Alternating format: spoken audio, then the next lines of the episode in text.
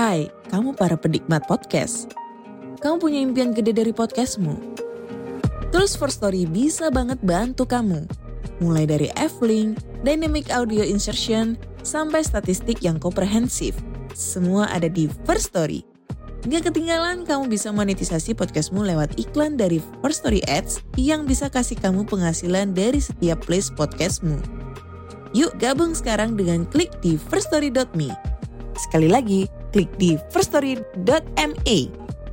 Mari kita bawa mimpi podcastingmu menjadi kenyataan. Hello? Hello?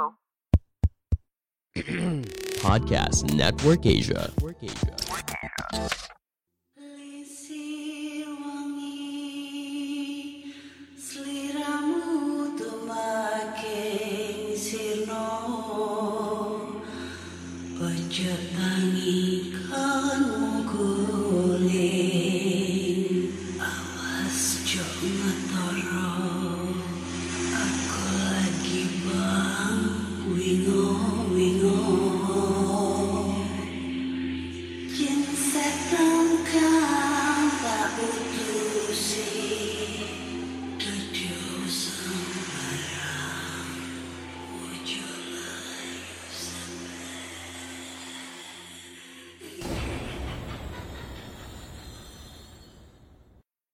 Hai Rek, iya apa kabar?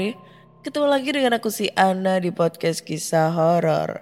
Di episode kali ini aku akan bacakan cerita horor ataupun email berhantu yang sudah dikirimkan teman-teman melalui podcast kisah horor at gmail.com atau di Instagram podcast kisah horor serta Google Form yang linknya tersedia di bio Instagram podcast kisah horor.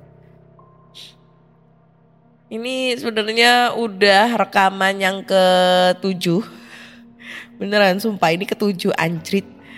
Tapi nyampe batengan itu eh audionya tiba-tiba stuck gitu ya. Terus error, ngulang lagi, error, ngulang lagi, error. Padahal itu udah sekitar 10 menitan aku rekaman gara-gara mikrofonnya error juga. Oh, capek aku tuh. ya gitu deh. Selamat tahun baru 2023 buat teman-teman, teman-teman, teman-teman, teman horor.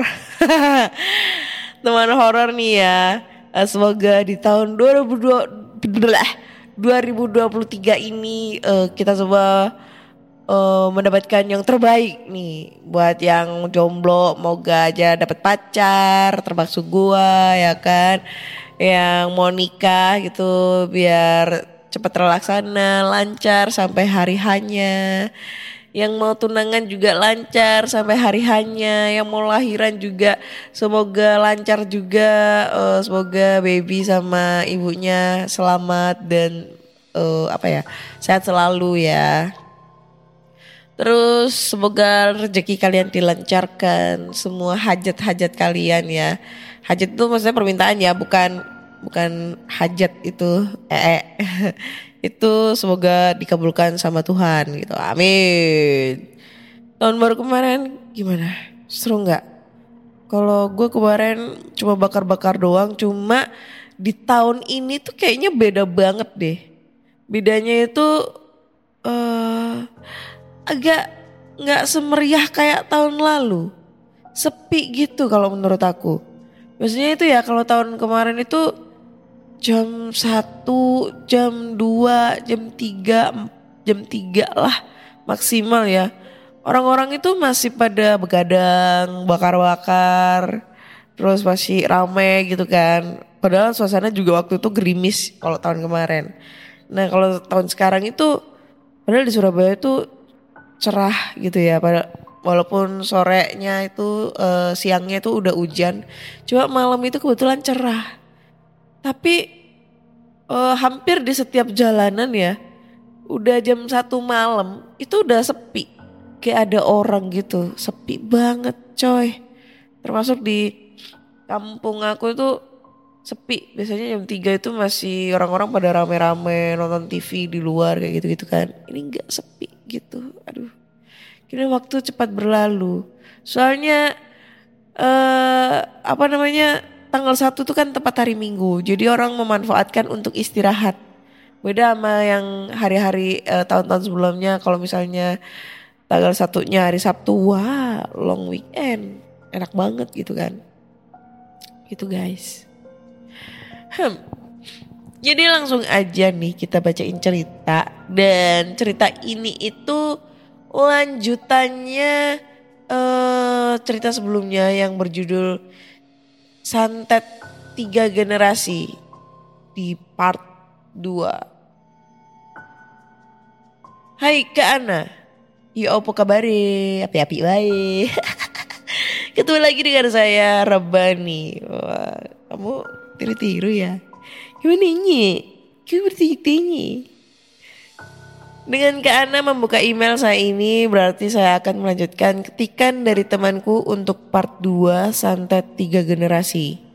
Dan semoga Kak Ana bisa masuk dalam cerita ini agar supaya Kak Ana nggak bosan untuk membacanya nanti. Langsung aja. Beberapa waktu setelah hari itu, borok di betis Laras berangsur membaik. Ia diperbolehkan mandi penuh sampai bersih sebersih-bersihnya. Maklum selama menjadi eksekutor selama itu pula ia berpantang mandi. Bisa dibayangkan gerahnya seperti apa, dakinya setebal apa. Dan tidak heran bila Laras sering emosian pada Nyiratni. Bu badanlah yang membuat dirinya tak nyaman. Selain Laras, Vira juga dipulangkan. Luka bakar di tubuhnya belum sembuh total. Tapi menurut Nyiratni, tugas Vira pun sudah lebih dari cukup. Sudah tiga anggota keluarga Santoso yang meninggal dan satu orang jadi gila melalui media Vira. Sekitar jam 9 malam orang suruhan keluarga Waluyo tiba. Namanya Petrus. Berperawakan tinggi besar, hitam dan sangar. Entah mengapa aku merasa dia merangkap sebagai tukang pukul atau bodyguard keluarga Waluyo. Petrus ditugasi mengantarkan bahan makanan sekaligus menjemput Laras dan Vira untuk dikembalikan ke kampung halaman mereka. Wingi kae diterke mrene wayah dalu. Saiki mulai ya dalu. Kono kabeh di jarak supaya awak dewe ora titen ancer-ancere dalan.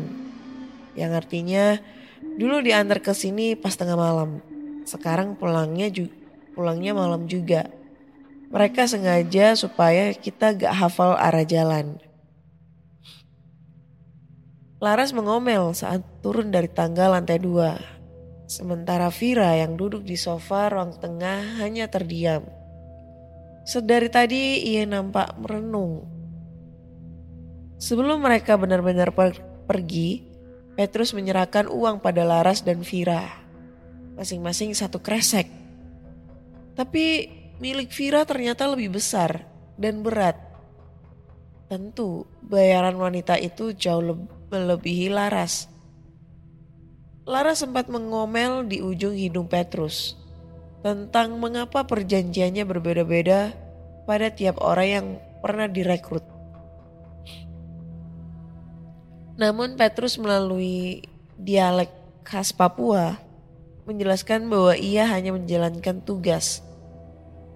Nada bicara yang kasar dan bahasa yang terdengar asing membuat Laras urung berbantah dengan Petrus.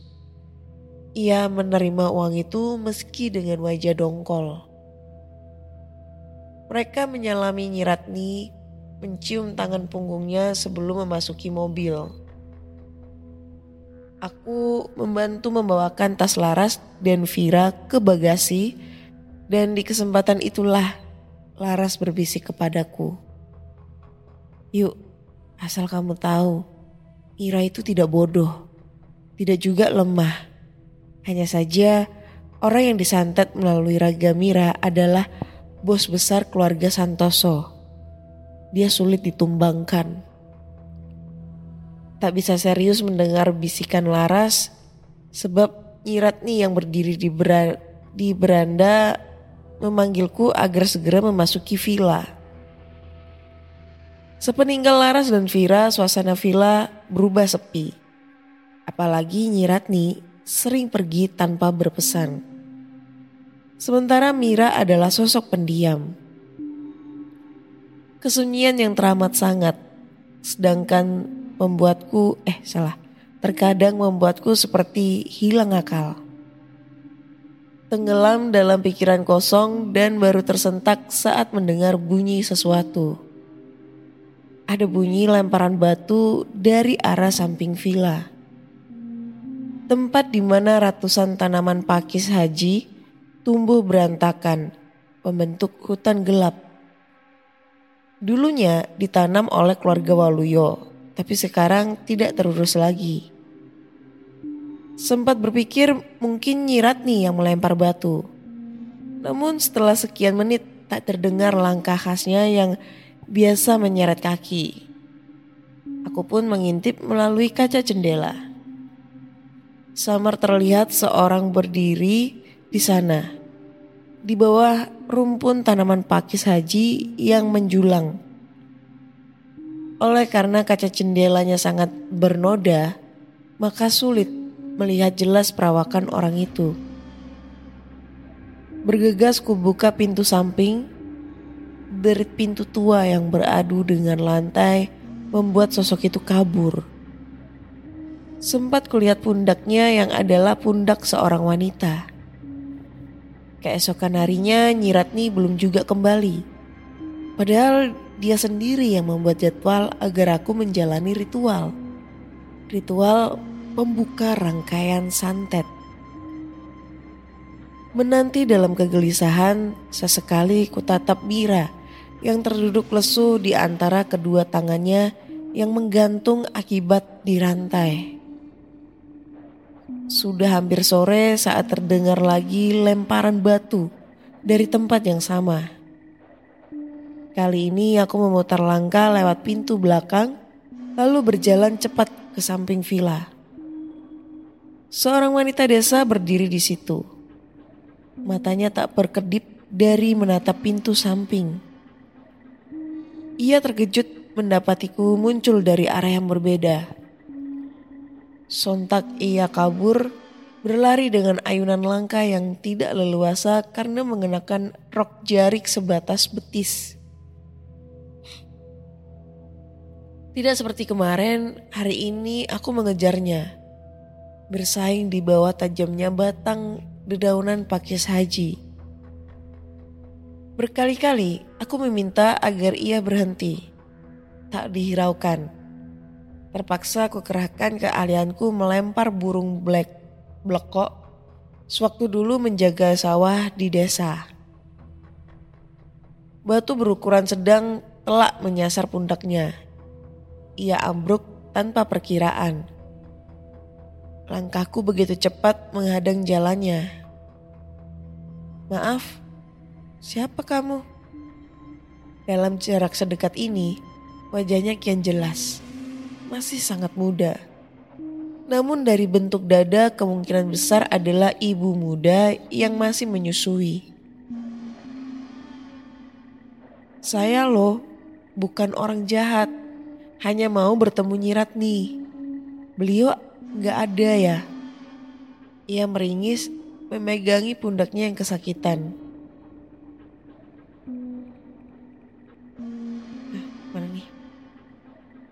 Tidak langsung menjawab, aku mencermati gerak-geriknya. Setelah itu ia bertanya pelan. Kamu warga sini? Perlu apa sama Nyirat nih? Ia bangkit berdiri, tangannya sibuk membersihkan tanah yang mengotori jari. Sesudah itu ia mengulurkan tangan kanan.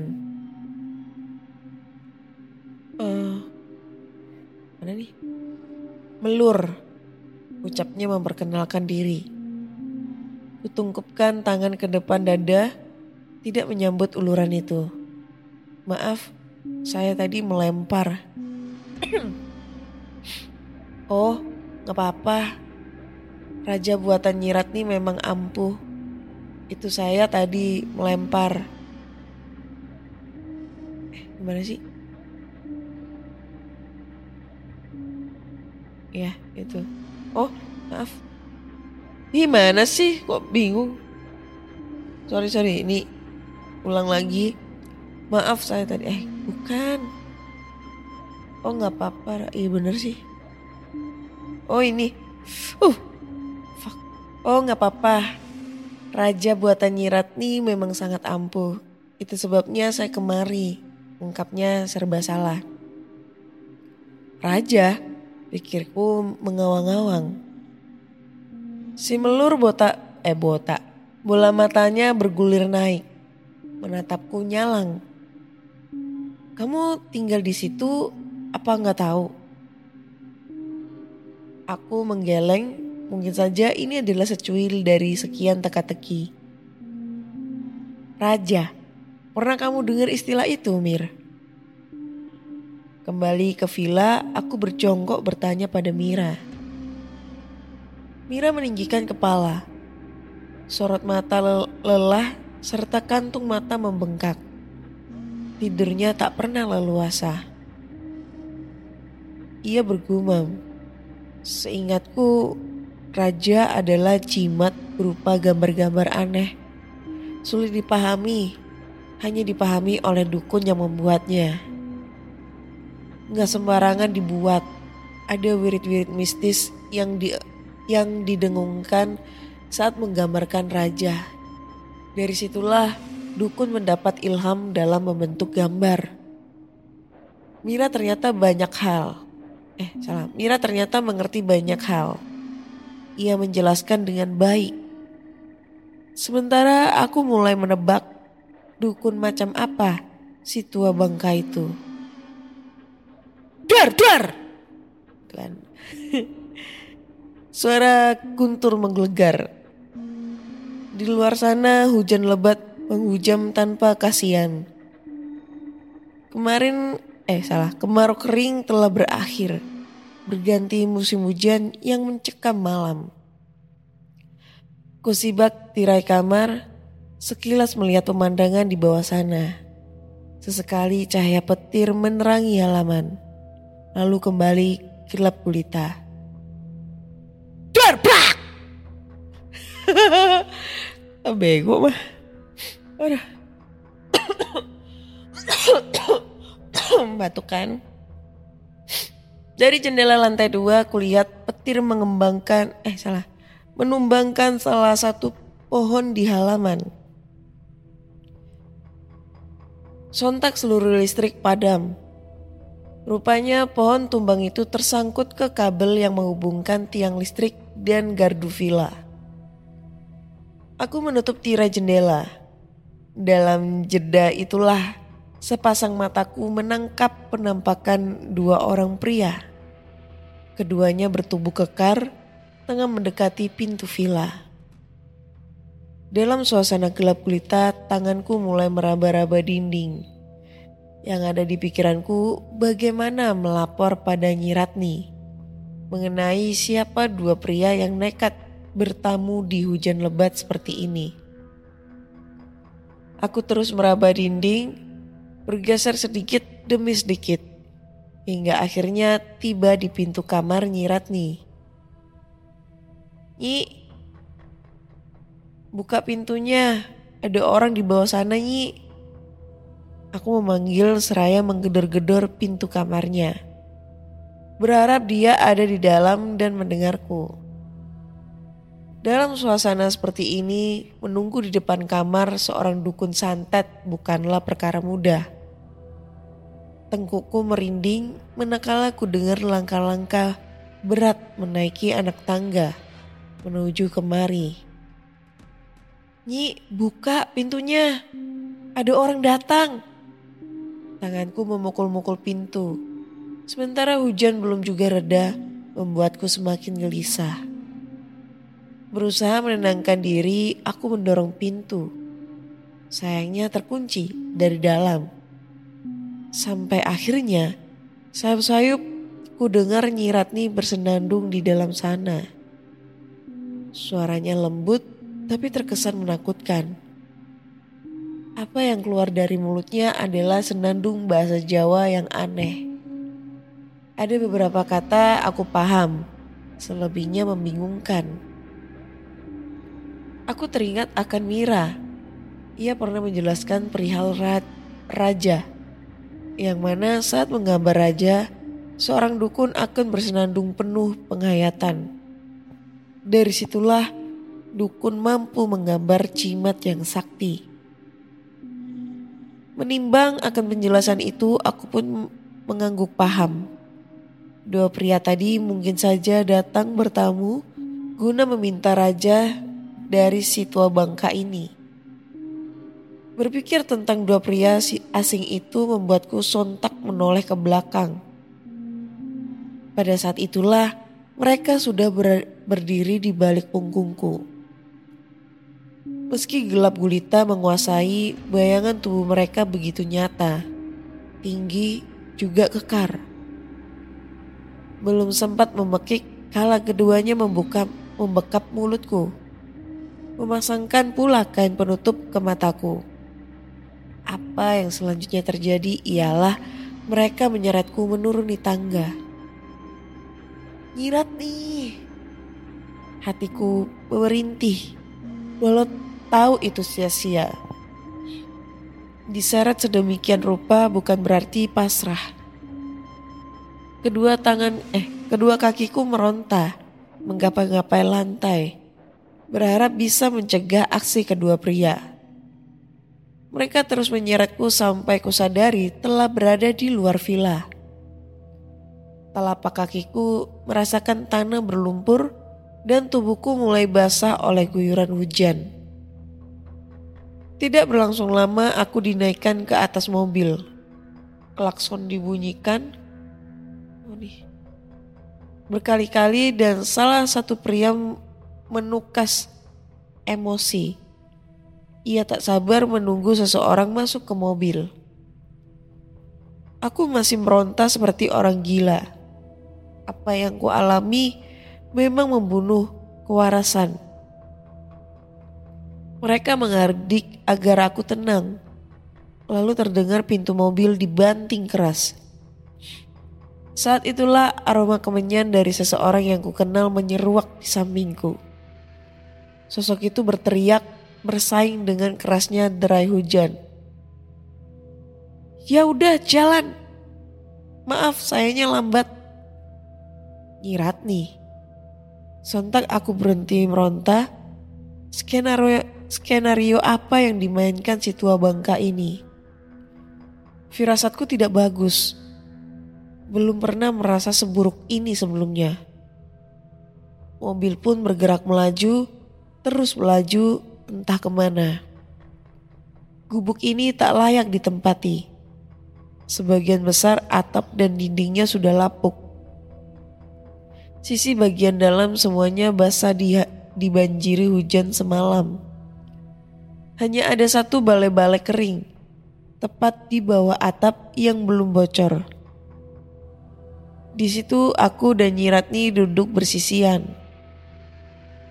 Oh, jadi saya dibawa ke sini bukan menjalani ritual. Aku mengedar pandang, memindai setiap sudut gubuk.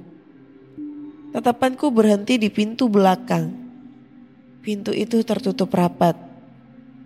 Entah kenapa setiap melihat ke arah lain, sudut mataku menangkap pintu itu sedikit terbuka dan ada seseorang yang mengintip dari sana.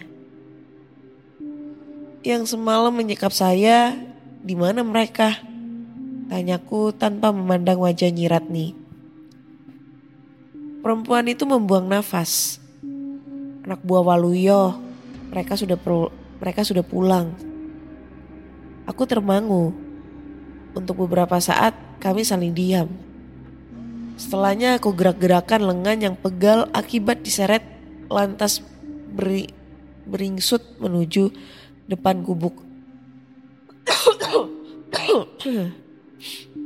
Penampakan depan gubuk membuatku bergidik ngeri. Kendati demikian, aku tetap bersikap normal. Puluhan kubur terserak di halaman. Kukatakan demi, demikian sebab kubur-kubur itu tidak searah layaknya tempat pemakaman umum. Serampangan alias tumpang tindih posisi. Dedaunan kering yang berguguran dan pepohonan sekitar menumpuk di situ. Menutupi seantero tanah perkeburan, perkuburan. Perasaanku tak enak manakala mendapati tiap patek. Patek itu anjing tahu. Petak kali ya. Tiap petak kuburannya ditutupi kain hitam. Lalu di ujung sana sebuah pohon gayam menjulang tinggi. Lebarnya bisa mencapai dua pelukan orang dewasa. Mungkin diperhatikan makin terasa kehadiran sesuatu Entah apa itu yang seolah memanggil agar mendekat.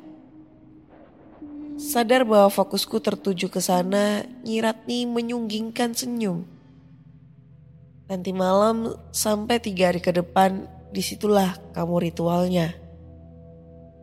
Hawa dingin tiba-tiba menyelimuti usai Nyiratni berucap. Aku mengusap lengan yang merinding dan memilih kembali duduk di balai-balai. Menjelang malam, detik demi detik, serasa melambat. Wah, pilek. Pohon gayam itu nampak begitu pekat dengan segala kengeriannya. Seakan ingin menelan hidup-hidup siapa pun yang menatap ke sana. Belum lagi dahan-dahannya yang melambai di tiup angin, jiwaku terpanggil. Nyiratni menaruh satu kendi air bercampur eh bercampur bunga-bungaan di bawah pohon itu. Ia memintaku duduk bersemendi pada sebuah lempengan batu. Apa pun yang terjadi, gak usah ngebuka mata munduk. Pesannya. Tua bangka itu pun pergi. Namun aku merasa hadirnya sosok lain di belakangku. Berupaya mengabaikan Perlahan ku bejamkan mata. Satu jam, dua jam. Inikah yang dinamakan bertapa? Tiba-tiba sosok itu berjalan memutar. Terus memutariku sembari sesekali ia mengucapkan sesuatu. Yaitu, ora usah, ora usah diteruske. Oleh karena merasa terganggu, aku mendesa panjang. Di saat itulah muncul semakin banyak langkah kaki yang berjalan mengelilingiku. Ada yang tertawa, menangis, juga merintih.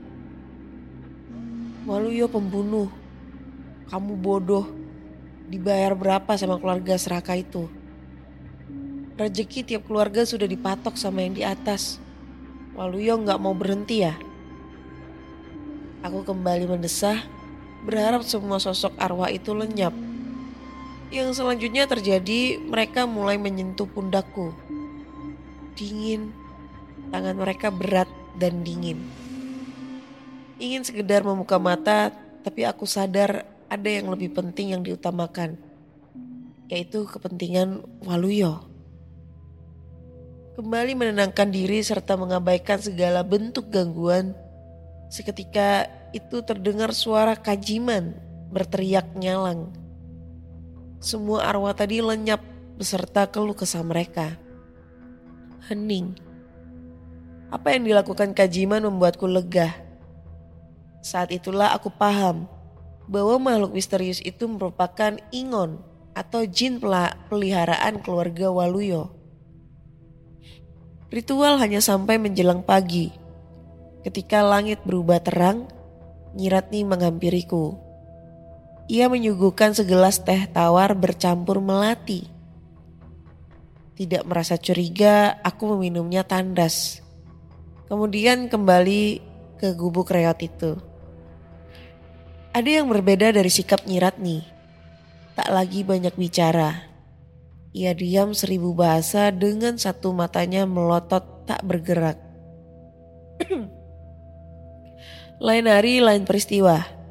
Di malam kedua, panca indraku menjadi lebih peka secara spiritual. Aku bahkan melihat dan mendengar percakapan keluarga Santoso yang masih tersisa. Ternyata mereka belum tahu siapa si tokoh utama di balik meninggalnya satu persatu anggota keluarga mereka. Lepas dari itu mereka percaya akan adanya bahaya ilmu hitam yang masih mengincar.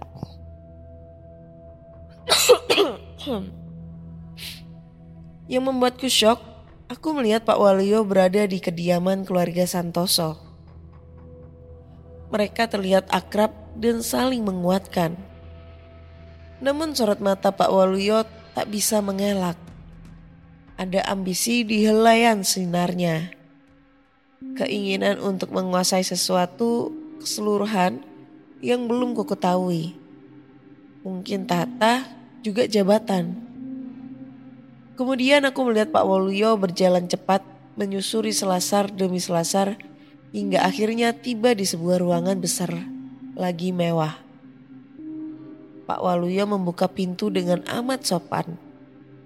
Nampak seorang pria uzur tengah duduk di balik sebuah meja kerja. Rambutnya seluruh beruban.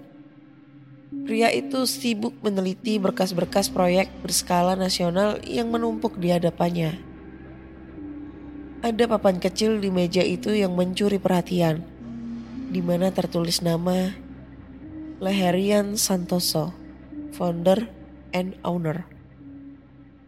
Paulio menying, menyunggingkan senyum sinis. Ia berbalik dan menatapku. Sudah paham kan yuk? Orang inilah yang harus kamu habisi. Aku meneguk liur, namun sesaat kemudian aku mendengking keras karena Pak Olio melempar sebilah pisau ke arah pria usur tersebut. Ritualku mungkin saja gagal, sebab saat ini mataku terbuka dan Nyiratni sudah berdiri tak berjarak di tempatku bertapa. Lagi-lagi ia seperti terkena sawan. Mulutnya terkatup dan satu matanya melotot tak bergulir. Menatapku tanpa ekspresi. Namun aku tahu ia sedang memberiku peringatan bahwa apa pun yang terjadi, janganlah membuka mata. Aku menarik nafas dalam-dalam seraya kembali memejam. Baru setelah memastikan aku aman, perempuan itu pun pergi. Dengan tongkatnya terdengar ia memukul-mukul jalan yang dilaluinya. Malam semakin pekat. Sunyi mencekam, suasana bahkan sangat hening. Aku bahkan bisa mendengar detak jantungku sendiri. Saat fokusku mencapai titik stabil, saat itulah hujan turun.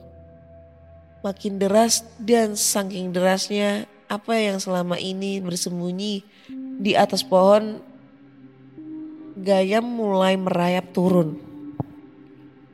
Bukan hanya satu, mereka sangat banyak. Ular-ular hitam dengan mata memerah serupa bara api.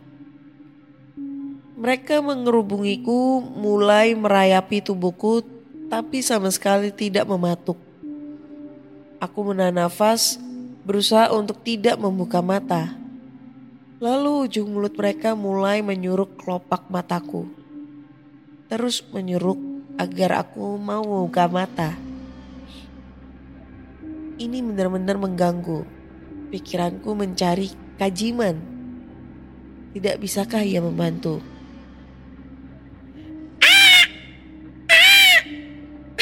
Janji. Ah. Yang dipikirku akhirnya muncul. Teriak kajiman membuat ular-ular itu lenyap tak bersisa.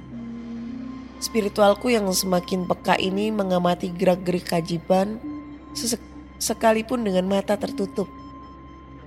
Ia hinggap di salah satu kubur dan berubah menjadi seorang pria gagah dan tampan. Aduh. Selanjutnya ia berla berjalan menyambangiku. Ingin sekali membuka mata demi melihat jelas paras rupawan itu. Tapi apalah daya ambisi keluarga Waluyo adalah tujuan utama. Yayu, kamu penasaran padaku. Aku tidak pelit untuk berbagi kisah. Ungkapnya lembut. Aku tertegun, ada rasa sendu yang perlahan menari. Ini adalah kisah pilu tentang seorang pria yang jiwanya terjebak di masa lalu. Awalnya aku bingung bagaimana harus bicara dengan Kajiman. Sementara aku dilarang membuka mata juga suara. Aku tahu bahwa jin umumnya membaca pikiran manusia. Oleh karena itulah aku lantas membatin. Penasaran apanya? Saya lo udah tahu kamu itu jin peliharaan keluarga Waluyo. Hanya itu. Kajiman membuang nafas halus. Dalam rupa manusia, hawa tubuhnya seharum kembang kantil. Ia lantas merubahkan punggung pada lempengan batu yang kududuki. Iya, aku memang jin. Tapi bukan sembarangan jin bagaimanapun pernah hidup sebagai manusia. Aku terhenyak pernyataan Kajiman membuat waktu seakan berhenti di situ. Kamu gak bohong kan? Batinku mendemo. Pantas, eh salah. Sudahlah ya yuk, jangan dimasukkan ke hati. Mungkin saya hanya sembarang bicara. Pantas, Lara sering memarahimu kamu memang menjengkelkan. Kajiman tertawa pelan. Menjengkelkan bagaimana? Kalian aja yang nggak kalian aja yang nggak sabaran, celutuknya. Ya udah, kasih tahu jin apaan kamu ini. Kalau enggak, akan kubuka mata dan kubatalkan ritual ini. Batinku mengancam. Perempuan Sabtu Kliwon memang keras hati ya. Kalau udah tahu sedikit, maunya harus sampai tuntas. Aku tak lagi membantah, sebab yang dikatakan Kajiman benar adanya. Bobo kesedihan pun perlahan menjalar saat ia membuka suara. Yuk, asal kamu tahu, Kajiman itu sebutan umum untuk ruh manusia yang ditolak di alam orang mati. Ditolak kenapa? Kamu pasti penasaran lagi kan? Eh salah-salah nadanya. Ditolak kenapa? Kamu pasti penasaran lagi kan? Aku mendengkus. Uh, yuk, eh yuk, yuk. Aku dulunya mati gantung diri. Tapi bukan keinginanku. Mel melainkan oleh tekanan keluarga Waluyo. Semua bermula dari keluargaku yang adalah keluarga kunci. Kubiarkan Kajiman terus bercerita, sementara dalam sikap mata memejam sesekali ku awasi sekitaran. Keluarga kunci lalu mati gantung diri. Apa kata apa kaitannya? Tanyaku. Keluarga kun keluarga kunci hanya maksudnya kuncan ya. Keluarga kuncan hanyalah istilah yuk. Istilah untuk terah orang pintar yang melindungi terah keluarga priai. Kami melindungi ada sekitar tiga terah priai yang terpandang pada masanya. Sudrajat, Hadiningrat, dan Waluyo. Mendengar terah keluarga Waluyo disebut oleh Kajiman, aku mulai paham teka-tekinya ke mana. Ketiga terah itu punya musuh dan kepentingan masing-masing. Sehingganya kami dituntut memperdalam ilmu hitam guna menjadikan mereka pemenang. Eyang memiliku untuk secara khusus mengcover keluarga Waluyo. Sayangnya kebaikan gak selalu berubah kebaikan. Mana tadi? Eh? Oh ini. Melihat kesaktian dan kesaktianku, keluarga Waluyo malah ingin menjadikanku ingon atau peliharaan. Kok serem ya? Masa manusia menjadikan sesamanya sebagai jin peliharaan? Batinku bergidik. Eh, gimana? Aduh, pusing nih. Tulisannya banyak banget. Ntar dulu, ini sampai mana nih? Oh salah scroll, fuck. Batinku bergidik sampai mana tadi? Oh ini. Perkara ini tentunya menggerogoti sisi lain yang tak mampu dijamah manusia normal. Hampir mustahil dan sangat tersembunyi dalam lapisan masyarakat Jawa. Namun toh betul adanya. Gitulah kalau menyembah ambisi. Apa aja dihalalkan yuk. Waluyo sudah lama pengen punya peliharaan. Terlebih terlebih yang jenisnya kajiman. Kajiman, batinku mengulang. Eh, yuk, Eh, yuk, kajiman adalah jin yang bukan berasal dari bangsa jin. Kami berasal dari ruh manusia yang ditolak di alam kubur karena semasa hidup sudah bers- sudah bersekutu dengan ilmu hitam. Bangsa Kajiman dipercaya lebih hebat dari jin mana pun, sebab kami paham betul seluk-beluk manusia. Kajiman menjelaskan panjang lebar dan kini aku penasaran siapa nama aslinya. Dulu namaku Reswara. Jawabnya yang mungkin membaca pikiranku. Apa dulu kamu memang setampan ini? Tanyaku getir. Yang aku tahu jin sifatnya manu- manipulatif. Bisa saja kau sedang mengelabuiku. Reswara alias Kajiman tertawa kecil. Ia mendelik sejenak, hendak menampik tudinganku. Tapi suara Pak Waluyo tiba-tiba menggema di sanubari. Kajiman, kurang ajar kamu. Di mana kamu? Aduh, aku perih. Segera beralih ke rupa makhluk mengerikan, Kajiman pergi tanpa sempat berpamitan kepadaku. Obrolan dengan Kajiman begitu membekas, sampai-sampai aku lupa bahwa kini sudah pergi, eh sudah pagi. Apalagi, apalagi mendung menciptakan filter suasana nampak abu-abu. Pelan ku buka mata, di sisiku sudah ada segelas teh melati. Entah kapan persisnya, Nyiratni menyuguhkan dan segera kutekuk dengan tandas. Kau lihat kuburan itu yuk. Tiba-tiba Nyiratni bersuara dari balik punggungku. Aku mengelus dada yang berkedut kaget. Setelahnya aku tatap hamparan kuburan di depan sana. Ketahuilah, beberapa dari mereka tewas akibat jatuh cinta pada gaji pada kajiman. Nyiratni menukas sengit. Aku harap kamu gak mengecewakan. Perempuan itu berlalu dengan tongkatnya menepuk-nepuk tanah. Menjelang siang perasaanku jadi tak tenang. Yang mana semakin menjadi-jadi saat Nyiratni menghilang. Padahal barusan ia masih bercokol di tungku api.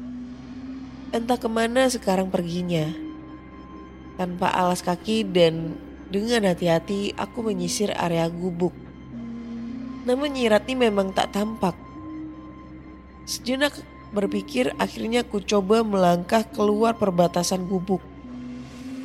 Betapa kagetnya ku dapati hutan yang kenyataan bahwa gubuk ini dikelilingi oleh hutan besar. Aku menggigit bibir. Tak tahu harus melangkah ke bagian mana guna mencari si tua bangka itu. Aku me, eh, lamat apa sih? Lamat menga, lama mengamati ada sedikit kelegaan yang mana kutemukan jejak-jejak langkah pada rerumputan yang terinjak oleh manusia. Ya mana tadi ya? Oh ini. Aku mengangguk lengan, eh menggaruk lengan, menimbang-nimbang jangan sampai Nyiratni mengambil jalan itu. Tapi beberapa saat kemudian kutapaki jejak tersebut. Terus menapaki hingga sayup terdengar tabuhan ludruk di kejauhan. Konon kalau mendengar ludruk apalagi di tengah hutan begini, itu pertanda hal buruk menanti. Kuhentikan langkah, mulai merasa gelisah oleh tindakan yang terlanjur kuambil dan apa sebaiknya kembali saja ke gubuk. Di atas sana guntur menggelegar, membuatku refleks berlari ke bawah rimbunan pohon untuk mengamankan diri. Justru di saat itulah terdengar sesuatu yang lain. Sesuatu yang membuatku berpikir bahwa semuanya tidak baik-baik saja. Mataku tertuju ke sumber bunyi. Di sanalah, tepat di atas sebuah batu, Nyiratni memakan bangkai babi dan kedua matanya begitu cekatan mencabik-cabik isi tubuh hewan itu. Sempat merasa aneh, tapi kemudian aku sadar bahwa hidup manusia menjadi tak normal ketika menguasai ilmu hitam. Diam-diam aku mengawasi Nyiratni. Tadi sangka ia berhenti mengunyah, mendongak, dan bola matanya bergulir naik, melotot kepadaku. Aku meringkuk ketakutan. Cukup lama kami saling bertatapan hingga akhirnya Nyiratni tersenyum menyeringai. Aku melangkah mundur, terus mundur. Malah kini dia tertawa cekikikan. Suaranya melengking, memecah kesunyian hutan. Kamu di situ yuk. Sapanya parau. Bukannya menjawab, aku langsung lari pontang man, pontang panting. Suara cekikikan Nyiratni masih menggema dalam hutan itu. Mendengarnya membuatku serasa dikejar dari belakang. Saat hampir mencapai gubuk, malah langkahku terasa berat dan melambat. Seperti ditarik se ditarik magnet dari bawah lapisan tanah. Walau demikian aku terus berusaha. Betapa kagetnya manakala kulihat Nyiratni sudah duduk di depan gubuk Mana sih? Uh, ia sedang menyiang sayur untuk dimasak. Dari mana aja? Tanyanya dingin. Wajahnya meneleng. Hanya satu mata diandalkan untuk memilik sayuran. Dengan jemari bergetar, aku menunjuk ke arah hutan. Nyiratni pun kebingungan. Ngapain ke sana? Bahaya, banyak binatang liar yuk. Nyi, yang tadi di hutan kan? Si tua, si tua bangka mengangkat kepala, alisnya bertautan. Kamu sebaiknya istirahat di balai-balai. Mungkin kelamaan bertapa makanya kamu jadi halusinasi. Si tua bangka mengangkat, eh salah salah Aku meneguk liur yang tercekat di kerongkongan. Tak tahu harus berujar apa, kupilih menyimpan semua perkara ini sendiri. Yuk, yuk, bangun. Udah maghrib, malam ini ritualnya harus selesai. Aku membuka mata, tersentak, tersentak lalu beringsut bangun. Maaf, saya ketiduran, lelah banget Sesudahnya, eh salah. Nyirati duduk di balai-balai, ia kemudian menatapku penuh harap. Malam ini malam terakhir, cobaannya akan lebih berat. Saya percaya kamu mampu yuk.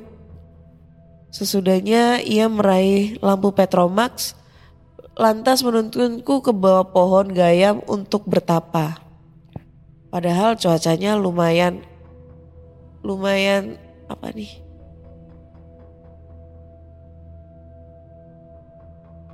Aduh, nyampe mana tadi? Oh nih, padahal cuacanya lumayan dingin. Tapi anehnya lempengan batu yang kududuki terasa hangat. Saya tinggal dulu ya yuk, kamu yang fokus. Gak usah meladeni gangguan. Arahkan pikiranmu ke keluarga Santoso. Ingat, musuh Waluyo berarti musuhmu juga. Aku meneguk liur menatap kepergian Nyiratni yang menenteng lampu Petromax. Setelahnya ku, pejam, ku pejamkan mata. Suasana kini gelap total. Fokusku belum mencapai titik stabil. Namun pikiranku diseret ke sebuah ruangan yang pernah kulihat malam kemarin. Leherian Santoso. Lelaki uzur itu masih bercokol di tempat kerjanya. Tubuh yang tidak lagi tegap, lemah dimakan usia membuatnya sesekali menjeda hanya untuk menarik nafas dalam-dalam lalu kembali menulis. Saat fokusku mencapai stabil, kulihat pintu ruangan itu didorong. Sempat gugup jangan sampai Pak Waluyo namun ternyata seorang pria muda dengan gurat Tionghoa di wajahnya. Ada apa? Tanyanya datar. Si pria uzur belum mengangkat kepala. Lalu si pria muda melanjutkan. Aku gak tertarik sama perusahaanmu. Jangan harap aku mau bergabung kakek. Lerian Santoso, si bos besar itu menghentikan aktivitas tulis menulisnya mendongak menatap cucunya. Bukan itu, bukan untuk itu kamu kupanggil. Memicing mata si pria muda. Lantas apa? Perusahaan ini terkena kutukan. Satu persatu mati, gak wajar. Apa kakek masih waras sekarang? Yeskiel, stop. Larian Santoso nampak marah. Semua orang mati atas izin Tuhan, tapi hidup harus tetap berjalan. Yeskiel terkekeh. Ia menggeleng tak percaya. Untuk beberapa saat mereka saling diam, lalu Yeskiel bersuara lirih. Sangat sedih tapi berusaha terlihat tegar.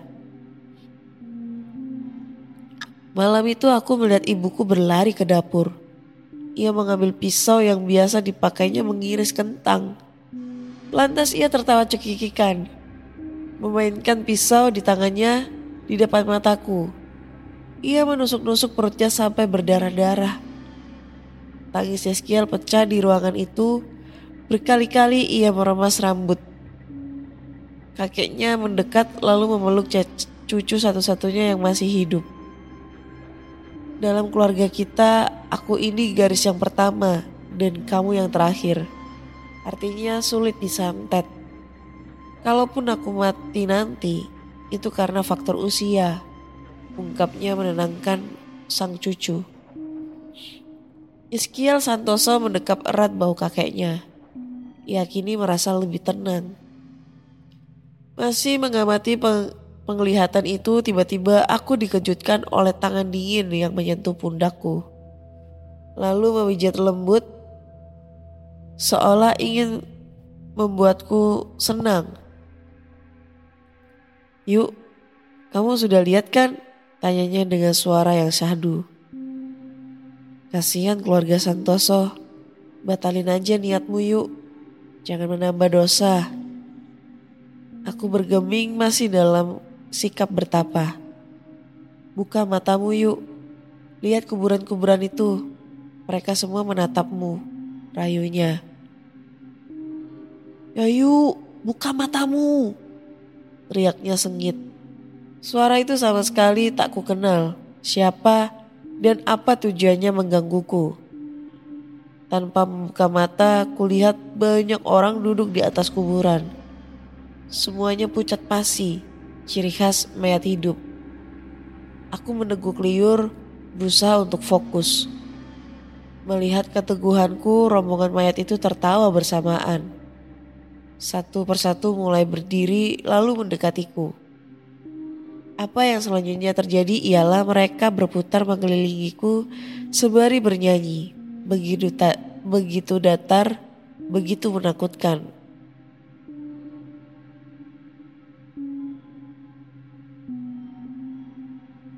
Kok lagu gini?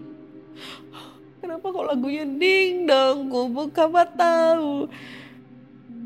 Aku datang padamu, bukalah mata, tak mungkin sembunyi dariku. Ding dong, ku datang padamu, bukalah mata. Serius gak sih ceritanya anjir? Hah. Ah, mulai meragukan cerita ini coy. Nyanyian itu terus diulang, makin didengarkan makin membuatku pusing. Fokusku buyar, tak tahan lagi, ingin sekali berteriak. Syukurlah kajiman muncul. Ia terbang berantakan menyerang gerombolan mayat tadi. Mereka pun lenyap, senyap. Nafasku masih bertalu-talu saat kulihat kajiman berganti wujud. Tegap lagi tampan. Persuaramu ada di sini, yuk. Jangan takut, ucapnya teduh. Batinku bergeming, sama sekali tak berniat menjawab. Terngiang ucapan Nyiratni bahwa jatuh cinta pada Gajiman bisa berakibat fatal. Nyawa di depan mata. Huh, kamu itu jangan terlalu percaya sama si tua bangka, kalau Kajiman. Mana nih? Bukan hanya Waluya yang punya kepentingan di sini. Nyiratni tak jauh beda. Aku hampir tersedak. Jumariku yang membentuk mudra berganti menekan dada. Maksudmu apa? Kamu akan segera mengetahuinya yuk.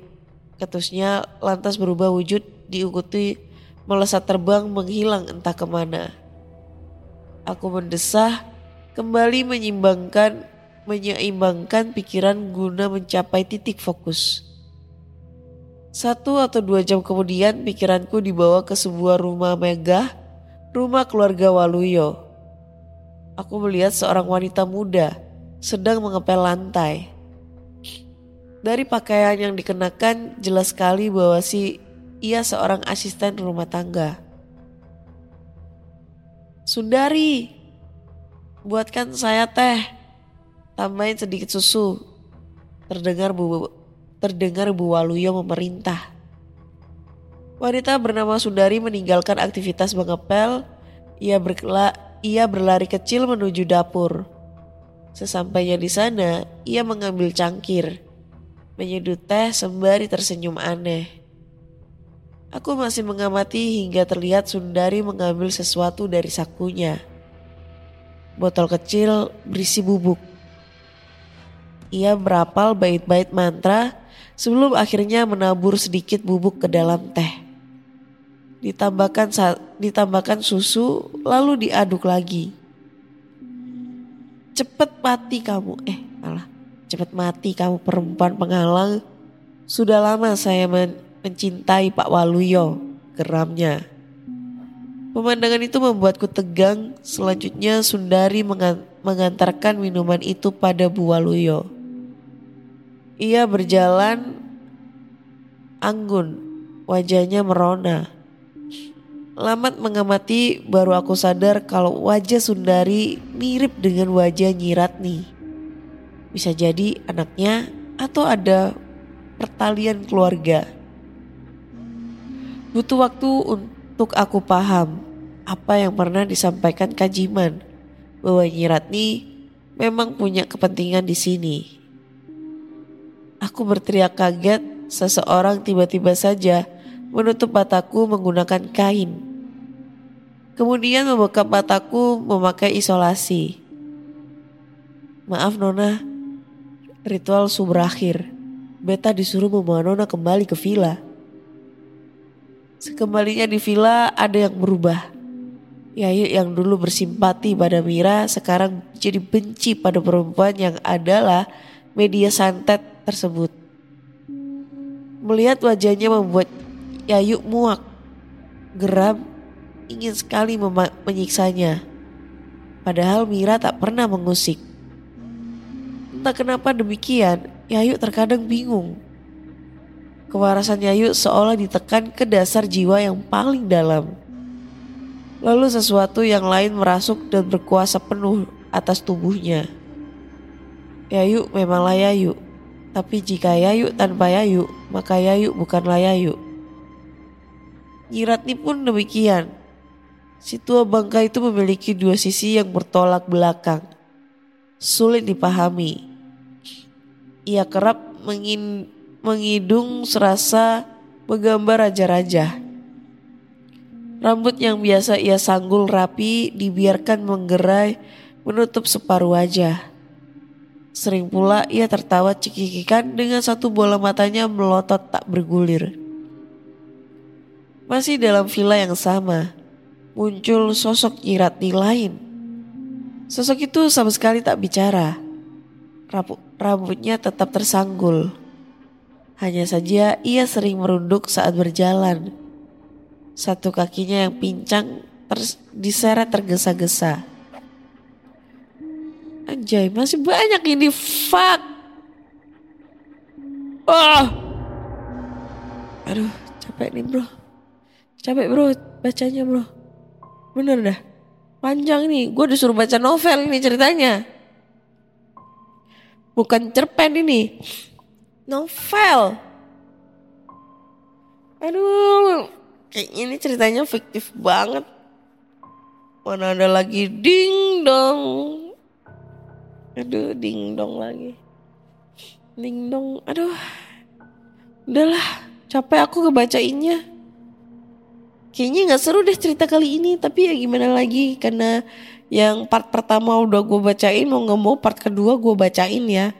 So buat teman-teman semua nih kirim cerita kalian deh yang seru jangan begini jangan novel capek gue ngebacainnya kasian juga editor gue ngeditnya aduh editor gue itu kalau ngedit itu profesional banget kalau sampai cerit gue ngebacain cerita novel dia mah malas ngedit gitu ya so buat teman-teman semua kalau punya kalian punya cerita seru nih langsung aja kirim cerita kalian ke podcast kisah horror gmail.com Ya, please jangan cerita novel kalau ngirim. Gue capek ngebacainnya sejam lebih coy. Ini sudah sejam. Ya. Bye-bye.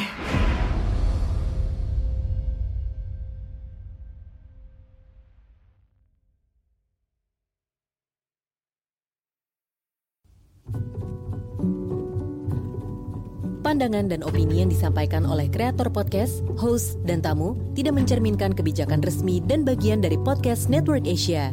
Setiap konten yang disampaikan mereka di dalam podcast adalah opini mereka sendiri dan tidak bermaksud untuk merugikan agama, grup etnik, perkumpulan, organisasi, perusahaan, perorangan, atau siapa pun dan apa pun.